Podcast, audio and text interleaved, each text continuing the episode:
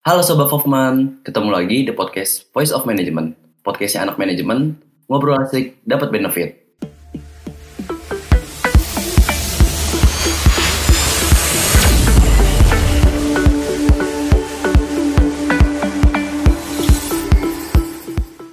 Halo semuanya, gimana nih kabarnya Sobat Hoffman? Semoga baik-baik aja dan sehat selalu ya. Sebelumnya, kenalin nama aku Arkan dari Manajemen 21. Dan sekarang aku diamanahi sebagai staf tetap Public Relation nih, khususnya di Divisi Student Affair di HMDM FEBUB. Hari ini aku nggak sendirian nih teman-teman, karena aku bakal ditemenin sama narasumber yang pokoknya keren banget. Mungkin dulu satu manajemen kenal sama kakak yang satu ini. Boleh dong kak, kita kenalan dulu. Boleh banget dong. Halo, halo Arkan. Halo kak, Apa kabar nih? kalau aku baik banget. Baik banget. Oke, sebelumnya halo teman-teman, perkenalkan nama aku Bagus Susi Pratama. Eh, teman-teman bisa akrab atau bisa panggil aku Yosi. Aku dulu dipanggil Yosi di manajemen. Jadi aku angkatan 2017 di manajemen FBUB. Salam kenal ya semuanya. Salam kenal ya juga Arkan. Oke, salam kenal ya Kak Yosi. Oke nih teman-teman. Jadi bagi teman-teman yang belum tahu, Kak Yosi ini merupakan alumni dari manajemen FEBUB tahun 2017 dan juga merupakan mantan ketua HMJM tahun 2020. Sebelumnya, gimana nih Kak kabarnya hari ini? Alhamdulillah baik banget, baik banget. Gimana kabarmu? Aku juga baik banget Kak, walaupun tadi kuliah pagi jam 7 tapi alhamdulillah tetap semangat sampai sekarang. Harus dong, harus dong. Mau pagi, siang, malam kita harus tetap semangat pagi gitu loh. Iya, pastinya apalagi kita mau podcast bareng di Voice of Management kali ini. Harus, mantap, mantap. Oke nih Kak, aku mau nanya. Kalau boleh tahu, dari Kak Yosi sendiri tuh akhir-akhir ini kesibukannya apa aja nih Kak?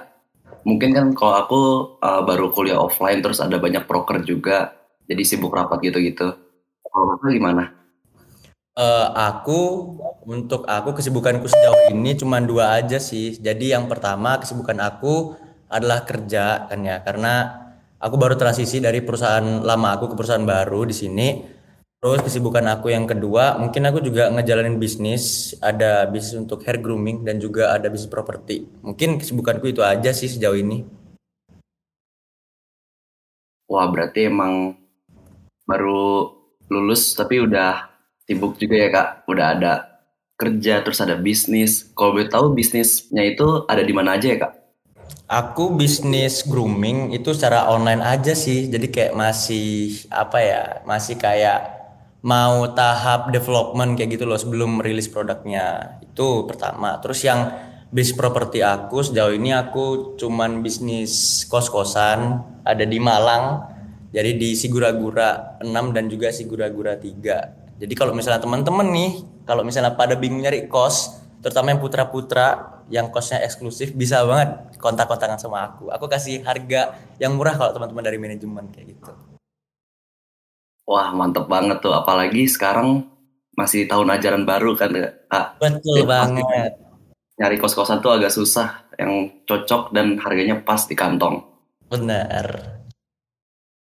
Oke nih Kak, ngomong-ngomong, di podcast kali ini kita bakal ngebahas topik yang spesial banget.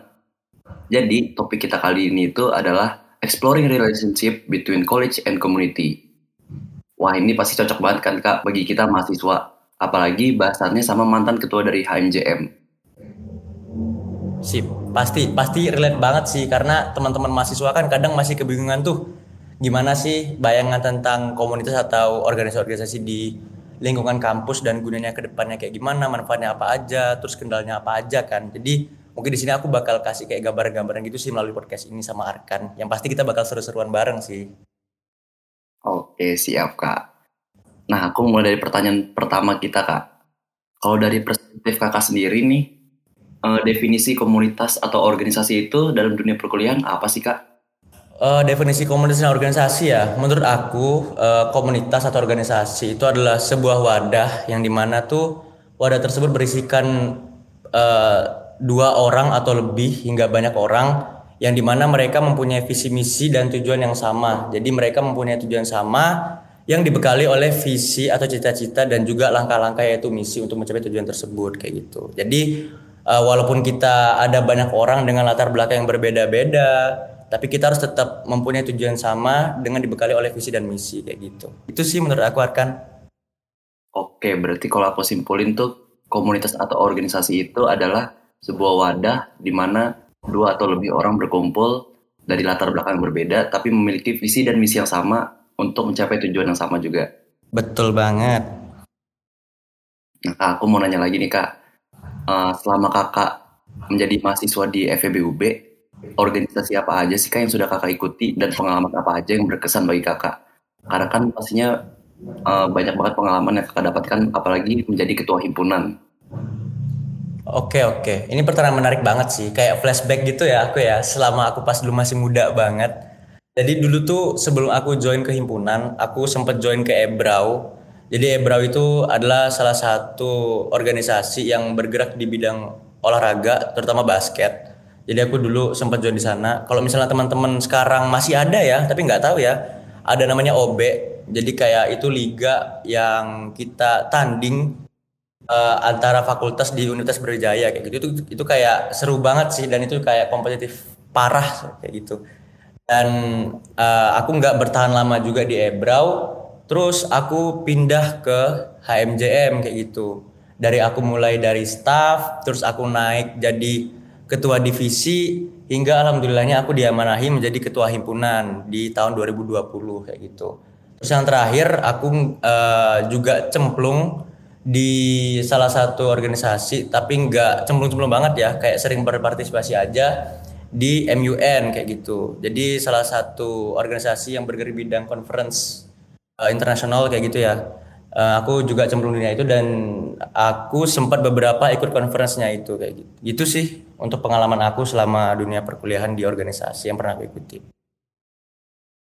Wah, banyak banget ya berarti organisasi yang kakak ikuti. Soalnya aku ikut satu aja, baru HMDM ini udah lumayan pusing nih kak crowded apalagi, ya kayak pusing gitu ya iya apalagi kakak udah ikut total udah empat sama kuliahan terus di HMDM juga mungkin selama tiga tahun berarti ya kak sampai jadi ketua himpunan betul betul banget tiga tahun aku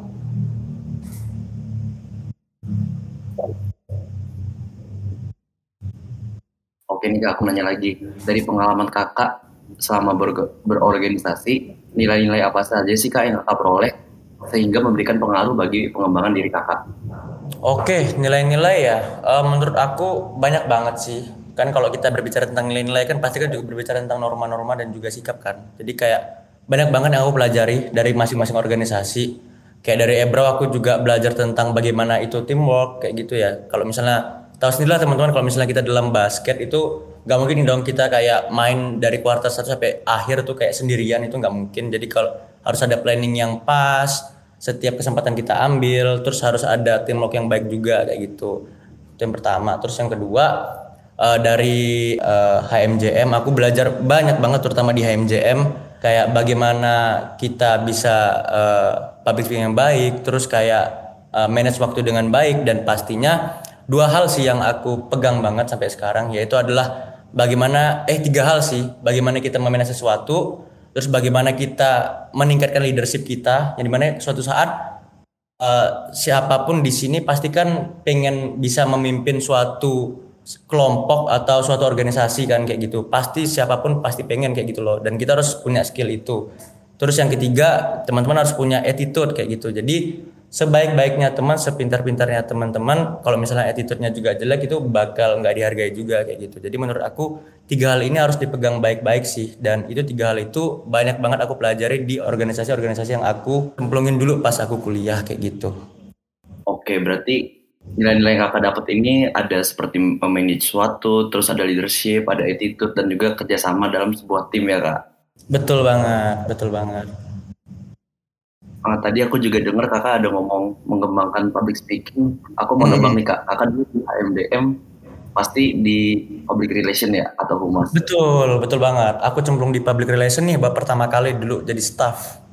Wah sama berarti kak sama aku. Aku juga Nah, dari public relation. mungkin mungkin kamu nanti ke depannya bakal jadi ketua himpunan kayak gitu loh, kayak aku. Mungkin kamu nanti. Aduh, Itu masih agak jauh sih kak, masih belum kepikiran. Gak apa-apa, kamu harus bermimpi setinggi mungkin. Siapa tahu kalau misalnya memang nggak sampai di tingkat itu, kamu masih kayak di tingkat kayak eh, BOD BOD atau jadi wakil itu kan menurut aku udah luar biasa sih Arkan. Mm-mm. Mungkin aku masih mikirin buat lanjut ke naik ke BOD tahun depan. Sip sip. Semoga sukses ya. Kalau boleh tahu kakak dulu eh, pernah jadi MC gitu nggak sih kak? Pernah, pernah banget. Aku dulu ingat banget sih. Aku tuh sebenarnya jadi MC tuh eh, dikerjain sebenarnya. Jadi kayak eh, ada satu sesi kita dikumpulin bareng-bareng. Jadi ditanyain tuh sama ketu, sama kepala departemen aku. Eh, siapa di sini yang nggak bisa public speaking? Terus angkat tangan deh kan yang nggak bisa kan. Seret seret. Rupanya yang angkat tangan tuh cuman aku gitu loh. Aku yang nggak bisa public speaking. Mungkin yang lainnya malu kan. Nggak apa namanya eh, pada nggak bisa public speaking tapi kayak malu buat angkat tangan kayak gitu. Tapi aku angkat tangan. Nah untungnya aku berpikir saat itu eh, kepala departemen aku tuh kayak adil gitu loh. Kita kocok ya buat kita bikin kertas kita kocok terus kita undi siapa yang bakal jadi MC dan gilanya yang dapat itu aku gitu loh setelah aku buka kocokannya semuanya tuh nama aku gitu loh. Kan udah gila gitu loh. Kenapa harus aku?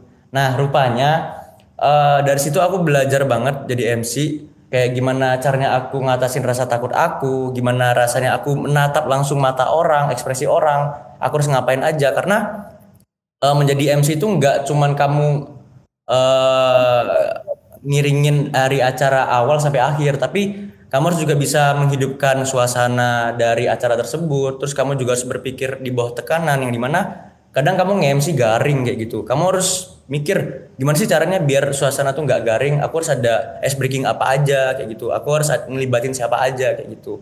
Dan di situ aku bener-bener kayak ngelatih banyak hal kayak public speaking eh, terus gimana cara memanage sesuatu dan juga pastinya berpikir di bawah tekanan kayak gitu. Itu siarkan Oke nih kak, aku lanjut ke pertanyaan berikutnya aja kali ya kak. sokin sokin Eh, jadi kakak nih selama di kuliah, selain ikut organisasi atau komunitas, ikut magang juga nggak sih kak? ikut dong ikut dong Kalau boleh tahu ikut magangnya ada apa aja ya kak? Oke, eh, untuk magangnya aku pertama kali karena pas itu COVID ya. Jadi agak susah sebenarnya nyari magang, apalagi pengen yang offline di perusahaan yang gede gitu sangat sangat susah.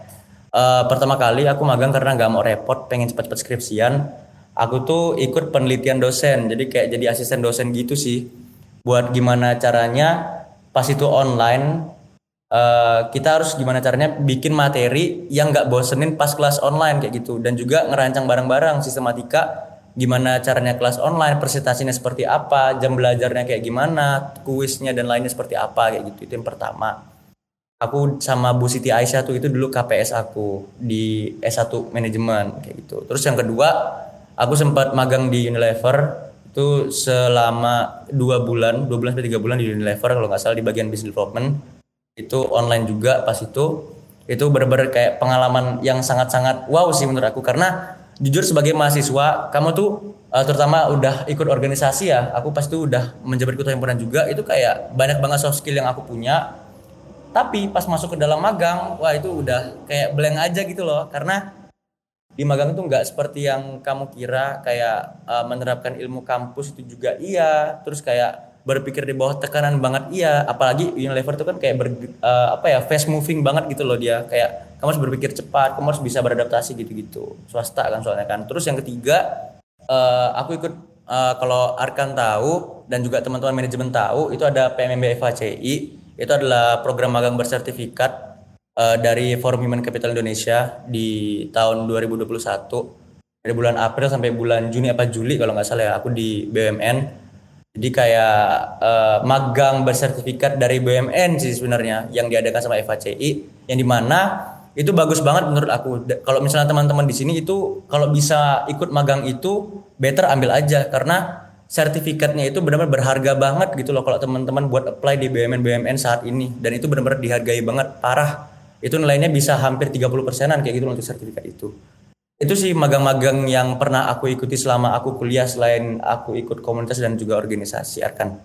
Wah, walaupun magangnya sambil offline, eh sambil online, tapi emang tetap mantep-mantep ya kak magangnya mulai dari mantep. Oh iya, aku revisi nih. Aku yang untuk PMMB itu aku kebetulan offline tuh. Jadi aku ngantor di Surabaya pas itu, gitu selama enam bulan.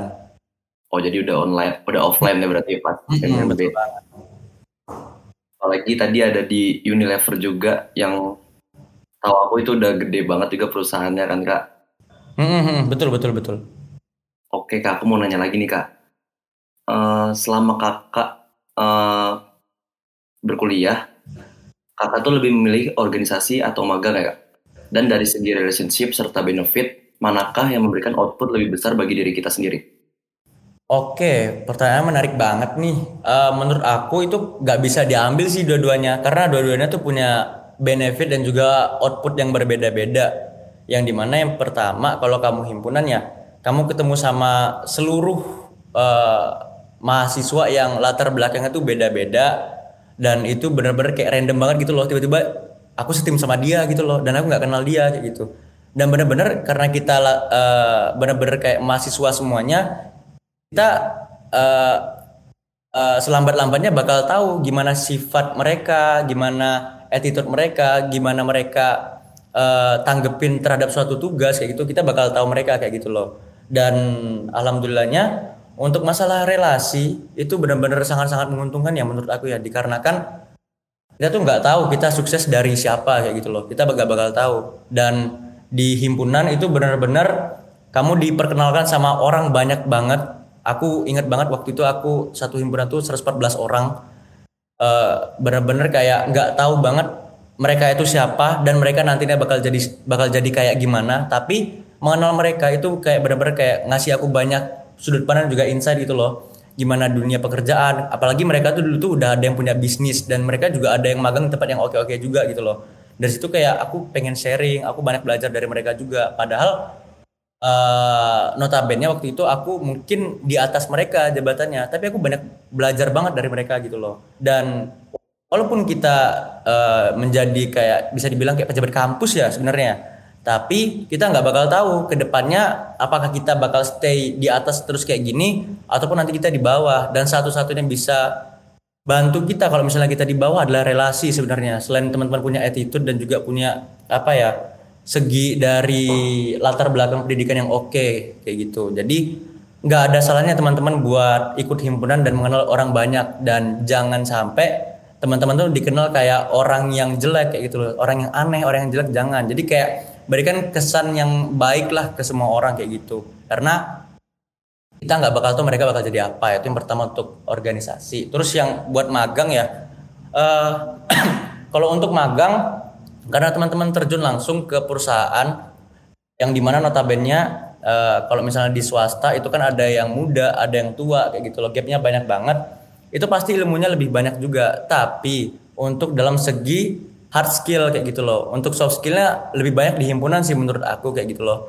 Uh, dan juga untuk relasi itu juga berbeda. Kalau relasi yang pertama di organisasi, teman-teman nggak tahu mereka bakal jadi apa kalau misalnya relasi yang di perusahaan di magang teman-teman tahu mereka sekarang tuh siapa dan jabatannya apa kayak gitu loh dan kalau misalnya teman-teman nanti udah lulus teman-teman bisa kontak-kontakan sama yang udah kenal di perusahaan tersebut apakah ada lowongan dan lainnya seperti itu dan menurut aku dua-duanya tuh punya benefit dan juga output yang sangat-sangat menguntungkan sih buat kita para mahasiswa untuk menjalani karir dan juga grow up di tahun-tahun setelah kita lulus ke depannya kayak gitu. Itu sih menurut aku Arkan. Oke, berarti organisasi dan magang ini pastinya sama-sama penting ya Kak buat kita betul. selama di kuliah. Betul banget, betul banget. Uh, lalu aku mau nanya nih Kak, uh, selama Kakak ikut organisasi seperti HMJM tuh, uh, itu membuat Kakak lebih merasa terhubung ke kampus secara keseluruhan atau enggak sih Kak?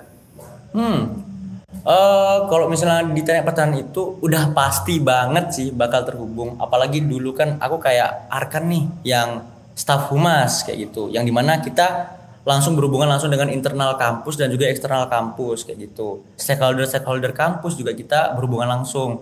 Dan kalau misalnya kita sampai di tahap aku dulu di ketua himpunan itu udah pasti kayak nyemplung langsung gitu loh kita meeting bareng sama dekanat, kita juga meeting bareng sama jurusan itu udah pasti. Dan aku bisa tahu gitu loh alur-alurnya kayak gimana, birokrasinya seperti apa, dosen-dosennya seperti apa, cara ngadepi dosennya seperti apa, mau aku di organisasi maupun aku di dalam bangku kuliah di kelas kayak gitu. Jadi nggak munafik sih aku bakal bilang kayak kalau teman-teman yang organisasi itu uh, bakal punya untung di masalah nilai atau di masalah kenal dengan dosen banyak itu nggak bakal munafik. Kayak contoh aku di organisasi dulu kenal banget sama Pak Abdi kayak sering bercanda. Terus kayak salah satu uh, dosen yang paling apa ya berkesan buat aku itu ada almarhum Pak Sigit. Itu menurut aku kayak uh, bapak aku di kampus lah kayak gitu. Terutama pas aku jadi ketua himpunan ya itu kayak menjadi ketua himpunan itu nggak cuma kamu punya latar belakang yang oke nggak cuma kamu punya pendidikan yang oke nggak cuma kamu punya persiapan dan inovasi yang oke tapi yang paling penting adalah mental sebenarnya kayak gitu. Mau kamu punya apa pun itu tapi mental kamu nggak ada ya percuma gitu loh. Jadi di situ Pak Sigit ngajarin aku gimana cara aku ngetrit dari birokrasinya kampus gimana caranya aku bisa attitude yang baik dari atas ke bawah dan bawah ke atas dan juga setara itu seperti apa dan juga gimana cara nyiapin mental mental yang baik buat ngadepi itu semua tuh kayak gimana. Kayak contoh kan kayak kemarin tuh di tahun aku ya aku baru ngejabat tiga bulan loh. Aku baru bikin renstra sebelumnya jauh-jauh hari susah-susah. Tiga bulan aku jabat lah kok covid tiba-tiba gitu loh. Akhirnya kan semua restoran harus diubah gitu loh. Dari offline transisi ke online. Aku rapat bareng sama anak-anak dan kadang kita tuh sampai ke titik aduh aku pengen nyerah aja gitu loh. Kayak capek banget bikin restoran lagi kita harus ngebongkar lagi untuk anggarannya kita harus bongkar lagi tapi selain teman-teman yang di sisi aku teman-teman himpunan di sisi aku BOD aku staff-staff aku tuh ngesupport banget dan benar-benar kayak kolaboratif banget di sisi lain juga ada Pak Sigit yang selalu support aku dan bisa aku konsulin tiap malam, tiap subuh. Aku kadang telepon bayangkan gimana kalian bisa telepon dosen subuh-subuh itu loh. Gimana? Gak kayak gak ada etika. Tapi udah kayak bapak dan anak juga teman gitu loh rasanya sama Pak Sigit. Dan uh, sedihnya Pak Sigit uh, sudah almarhum kemarin pas Covid. Uh, udah almarhum lah. Jadi kayak sedih banget sih kayak salah satu orang yang menginspirasi aku udah tiada di saat aku lagi naik-naiknya pas itu gitu. Itu sih Arkan. Oke, berarti emang dengan kita berorganisasi ini pastinya membuat kita membangun relasi juga dengan pihak-pihak di kampus seperti dosen gitu ya kak. Betul, betul banget. Dan bahkan uh, bukan sekedar cuman kayak sekedar formal di kampus saya tapi uh, bisa lebih dekat sampai kayak harapan dari kakak itu udah kayak bapak dan sama anak gitu ya. Benar benar banget. Udah kayak nongkrong deh sama dosen udah kayak temen rasanya. Bisa diajak ngopi-ngopi bareng berarti ya kak? Benar bisa diajak ngopi bareng badminton bareng kita kayak olahraga bareng ngopi bareng udah sering banget sih sama dosen-dosen. Oke ngomong-ngomong nih kak selama kakak mengikuti komunitas atau organisasi di perkuliahan kakak pernah nggak sih ngalami kendala kayak misalnya dari faktor internal kakak kayak kakak orang introvert pemalu orang percaya diri, atau misalnya dari faktor eksternal. Dan dari kedua faktor tersebut, kendala apa aja sih yang paling menghambat kakak dalam berorganisasi? Oke, okay. uh, eh, faktor internal ya, ada banget sih. Itu bener banget yang kamu bilang. Aku dulu orangnya pas aku masuk kuliah itu introvert sih. Aku pemalu banget gitu loh. Gak berani face to face ke orang lain kayak ngobrol nggak lihat mata orang aja itu kayak aku kayak malu banget gitu loh rasanya. Tapi uh, ditambahnya aku masuk organisasi pengalaman-pengalaman aku kayak belajar banyak banget kayak contoh kayak tadi kan nge-MC terus jadi moderator terus jadi ketua pelaksana sampai masuk ke ketua divisi dan juga ketua himpunan kayak belajar banyak banget sih gimana caranya dan pentingnya bersosialisasi dan membangun relasi dengan orang banyak kayak gitu loh penting banget uh, itu faktor internal aku ya masih introvert masih malu lah dulu kayak benar-benar menghambat aku buat ngelakuin apa pun itu jadi saran aku buat Arkan dan juga teman-teman manajemen lainnya yang masih berkuliah saat ini, peluang apa pun itu diambil aja kayak gitu loh. Karena manusia itu tempatnya salah. Kalau teman-teman nggak berani bikin salah dan ada peluang yang benar-benar jelas terbuka buat teman-teman itu rugi banget gak diambil. Padahal itu bisa improve uh, skill teman-teman dari hard skill, soft skill semuanya bakal diimprove banget. Apalagi analytic thinking dan juga problem solving itu bakal dilatih banget sih buat teman-teman kayak gitu. Terus buat faktor eksternal aku itu ada di uh, orang tua dan juga perkuliahan. Dikarenakan ya tahu sendirilah prioritas pertama uh, kita dalam bangku perkuliahan itu bukan organisasi, tapi adalah perkuliahan. Karena baik lagi teman-teman kuliah itu nggak gratis gitu loh. Ada yang bayar, ada yang backing, yaitu adalah orang tua. Dan orang tua tuh berharapnya teman-teman lulus tepat waktu dengan nilai yang baik supaya nyari kerjanya juga baik gitu loh. Jadi harapan aku buat teman-teman kuliah yang baik dan juga ambil kegiatan-kegiatan yang positif kayak gitu loh. Minimal kalau misalnya teman-teman nggak ngambil organisasi karena udah cak udah nyalonin tapi nggak nggak keterima ambil proker kayak gitu loh. Proker nggak bisa keambil juga karena nggak keterima nongkrong minimal bersosialisasi dan juga menjalin relasi dengan orang banyak kayak gitu loh. Karena menjalin relasi itu nggak cuma dalam kampus di luar kampus juga banyak kayak gitu loh. Lanjut lagi dengan faktor eksternal aku tadi orang tua tuh ingat banget aku pas aku mau calon jadi ketua himpunan itu kayak hampir nentang banget gitu loh. Karena takut kuliahnya telat lulusnya kayak gitu loh. Nah tapi aku bikin janji dengan orang tua aku dan juga di apa ya dibantu sama teman-teman koalisi aku. Jadi kalau naik ketua himpunan itu kita ada koalisi. Jadi kayak ketua BEM-nya datang yang calon ketua BEM. Jadi ketua HMJA ketua HMJIE itu datang semua ke rumah aku buat mastiin ke orang tua aku. Bayangkan kita sesolid itu gitu loh. Dan sekolaboratif itu. Padahal kita belum jadi gitu loh belum jadi. Masih ada pemilihan gitu loh.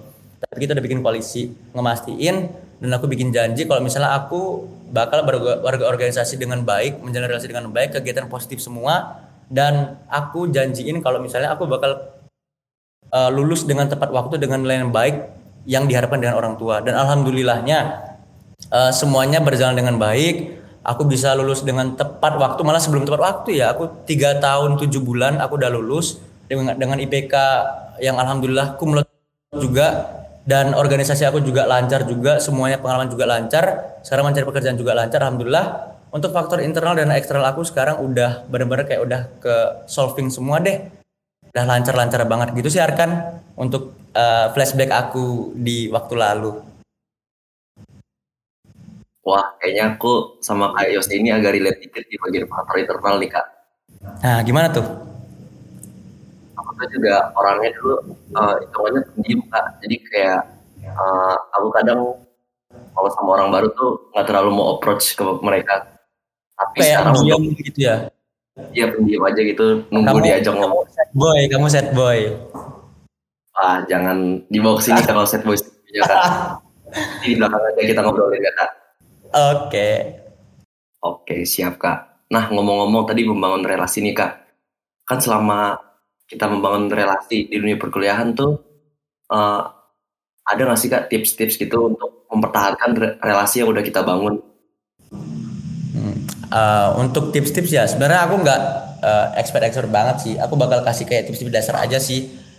Uh, salah satunya tadi udah aku kasih tahu yang di mana uh, teman-teman harus bisa ngasih kesan yang positif dan juga baik sama orang asing yang teman-teman gak kenal gitu loh. Siapa pun itu walau orang yang mau statusnya kayak menurut teman-teman kayak lebih rendah atau lebih tinggi atau setara dan juga mereka lebih tinggi umurnya atau umurnya apa ya setara dengan teman-teman atau di bawah teman-teman tetap attitude-nya harus terjaga jadi kayak uh, bakal ninggalin kesan yang sangat-sangat baik sih ke orang-orang karena attitude itu penting banget dan juga dihargai sama orang-orang yang pertama. Terus yang kedua mungkin yang paling penting tetap apa ya keep in touch sih sebenarnya. Karena uh, dengan melakukan hal kecil itu kayak contoh teman-teman di sini pasti punya IG semua dong. Kita kayak sosial media kayak udah apa ya udah gila-gilaan banget udah kayak nggak ada batasnya banget. Teman-teman bisa kenal sama semua orang.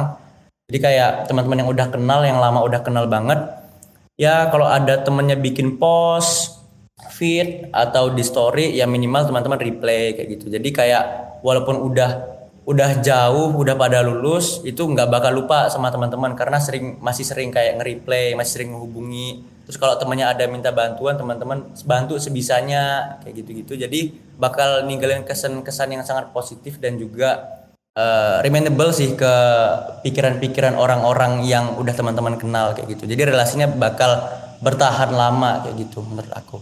Oke, berarti yang penting itu keep in touch dan selalu memberikan kesan positif kepada orang lain ya kak. Betul banget. Ini kak aku ada pertanyaan tapi sayang banget ini bakal jadi pertanyaan terakhir kita di malam hari ini. Ya serius? Iya kak karena kita juga ada durasi kak di podcast kali ini. Wah oke oke nggak apa-apa nggak apa-apa nggak apa-apa banget kok. Yang penting kita udah sharing banyak nih. Iya mungkin nanti kita bisa ngobrol-ngobrol lagi di belakang di setelah podcast ya kak. Oke. Oke kak, pertanyaan terakhir nih. Bagaimana kalau kakak pasti punya banyak banget pengalaman di dunia perkuliahan dan organisasi, khususnya tentang relasi.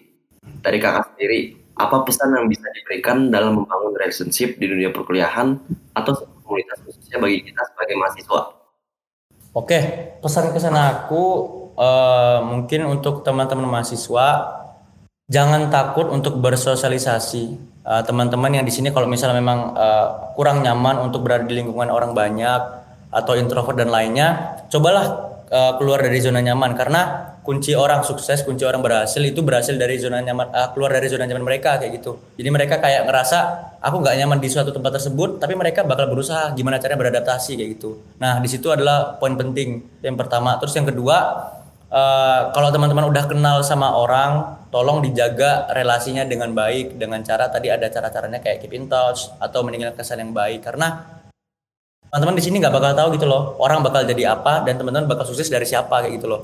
Mungkin di sini aku doain teman-teman pada sukses semuanya dan bisa memberikan job yang apa ya lapang pekerjaan ke orang-orang banyak juga. Tapi nggak ada yang apa ya mungkin kalau sejelek-jeleknya teman-teman nggak ada kerjaan nih nganggur dan lihat temannya sukses dan kalau misalnya teman-teman ninggalin kesan yang negatif itu bakal susah ke depannya. Kalau misalnya teman-teman ninggalin kesan yang positif itu bakal lebih bermanfaat sih buat teman-teman ke depannya kayak gitu Terus yang terakhir uh, coba teman-teman ikut organisasi-organisasi yang dalam kampus dan juga magang-magang yang disediakan oleh pemerintah atau kampus dan lainnya karena jujur itu bekal yang sangat bermanfaat buat teman-teman untuk melangkah di dunia pekerjaan dan juga karir ke depannya.